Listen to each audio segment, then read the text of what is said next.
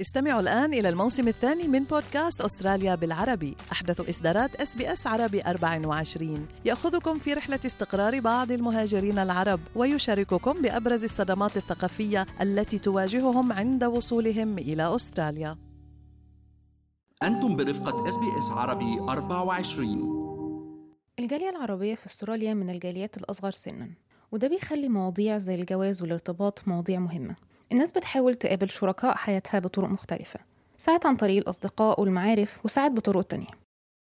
ومن أحدث الوسائل الناس بتستخدمها عشان يلاقوا شريك مناسب هي وسائل التواصل الاجتماعي. اتكلمنا مع مها وهي مهاجرة من مصر عمرها 33 سنة. عايشة في أستراليا بقالها خمس سنين وبتدور على شريك لحياتها. آه والله يا دينا هو آه يعني فيها جزء طبعا إيجابي بس الجزء الأغلب سلبي. ويمكن دي حاجة من الحاجات اللي أنا آه يعني اتصدمت منها لما بدأت إن أنا أدور.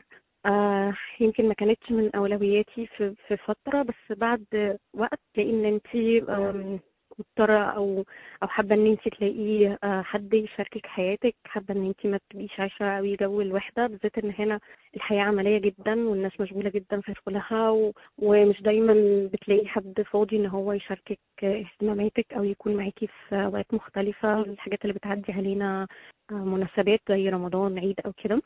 هو بصراحة أنا يمكن قابلت آه، يعني حاجات مختلفة أو عدى عليا حاجات مختلفة قابلت الإنسان اللي ما كانش مرتبط خالص وقابلت الناس المنفصلة وقابلت حد منفصل بأطفال وقابلت حتى ناس متزوجة وبيدور على زوجة تانية.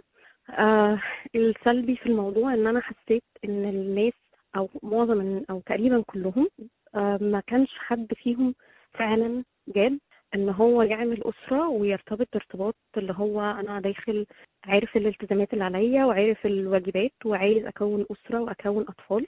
معظمهم آه شايف إن أنا هجرب حظي ولو قدرنا نكون تمام أو آه كويسين مع بعض من غير حتى ما يكون في التزام آه، ماشي. أو حتى لو هنتجوز يبقى آه، إحنا نكتب عند الشيخ بس لكن أنا مش حابب إن الجواز يكون آه، متسجل في الحكومة. أو مثلا حد يقول طب نقعد فترة وبعدين ما اتبسطناش ننفصل. وهو طبعا موضوع الارتباط بيكون فيه التزام أكبر من إن إحنا آه، هنتجوز بسرعة ونطلق بسرعة. الموضوع مش كده خالص وأكيد مش دي الأولويات اللي الواحد بيدور عليها في شريك حياته يعني. آه، بس الإيجابي في الموضوع إن آم، إن إن الواحد مش زي ما كان متخيل إن دايما الجالية العربية هتكون الموضوع فيها بجد أو هتكون أحسن حاجة. يمكن الإيجابي في الموضوع إن أنا نظرتي وأولوياتي اتغيرت شوية بعد ما بدأت أدور ويمكن بقيت شايفة إن آه، حتى لو الواحد اضطر إن هو يفضل آه، لوحده ممكن يكون أفضل بكتير من إن هو يرتبط بشخص غلط يعني. طيب إيه تقييمك بقى لاستخدام التكنولوجيا في موضوع مقابلة شريك الحياة ده؟ هل انت حسيتي إن هو فادك في تجربتك ولا لأ؟ آه فادني جدا لأن طبعا أنت عارفة هنا إن إن آه، معظم اللي حواليكي يا إما من culture مختلفة تماما أو ديانة بتكون مختلفة تماما فدايما مش بتقدري إن أنت في ال community اللي حواليكي آه، تلاقي حد مناسب. يعني كل كل فترة كبيرة جدا على ما تلاقي حد آه، يعني أنا كان بالنسبة لي في أولوية إن هو يكون عربي ويكون مسلم. فدي طبعا مش من الحاجات المتوفرة فكانت بالنسبة لي كال option الوحيد ال- اللي قدامي المتاح. آه، إن أنا أتعرف عن حد عن طريق app أو عن طريق group على الفيسبوك أو كده. هو ده مناسب هنا للبلد هنا. أنا متأكدة إن في ناس كتيرة كو- كويسة جدا. آه، رجالة محترمة جدا وستات محترمين جدا بس للأسف مفيش نقطة توصل الاتنين دول ببعض. ومش كل حاجة بتكون موثوقة إن الواحد عن طريقها يبتدي يتكلم مع ناس أو يتعرف بناس والمعارف محدودة. فهو ده الاوبشن الوحيد اللي ممكن يكون مناسب وكويس إن الواحد يلاقي فيه حد يعني من نفس الخلفية أو من نفس ال- الثقافة أو كده يعني. طيب انت التجارب اللي انت مريتي بيها والناس اللي انت قابلتيها هل انت شايفة إن هي غيرت نظرتك لموضوع الارتباط بشكل عام؟ أو يعني الارتباط ليكي كمهاجرة هنا في أستراليا تحديدا؟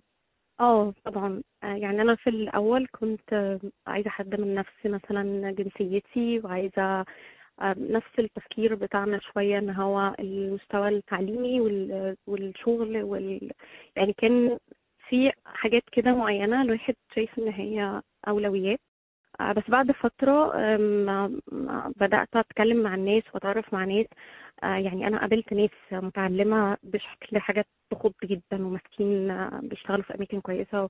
ومع ذلك ما ينفعوش نهائي إن هم يكونوا آه، شخص تثق فيه أو يكون شريك حياة.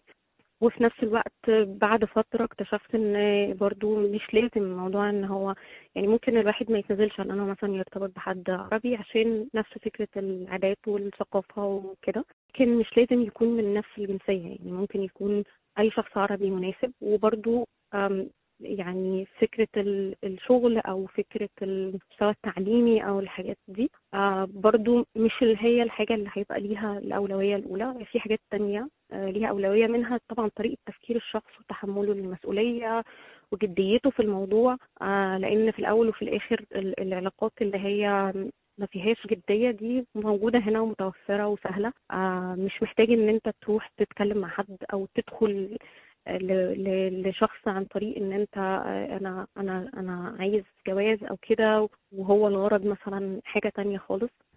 اتكلمنا مع مها عن رحلتها في البحث عن شريك حياة ليها في أستراليا بعد مرورها بتجربة طلاق. مها حكت لنا عن إزاي واجهت بعض المصاعب وإزاي نظرتها لمقومات شريك الحياة اتغيرت. نحب نلفت انتباه مستمعينا إلى أننا قمنا بتغيير الاسم حفاظا على الخصوصية.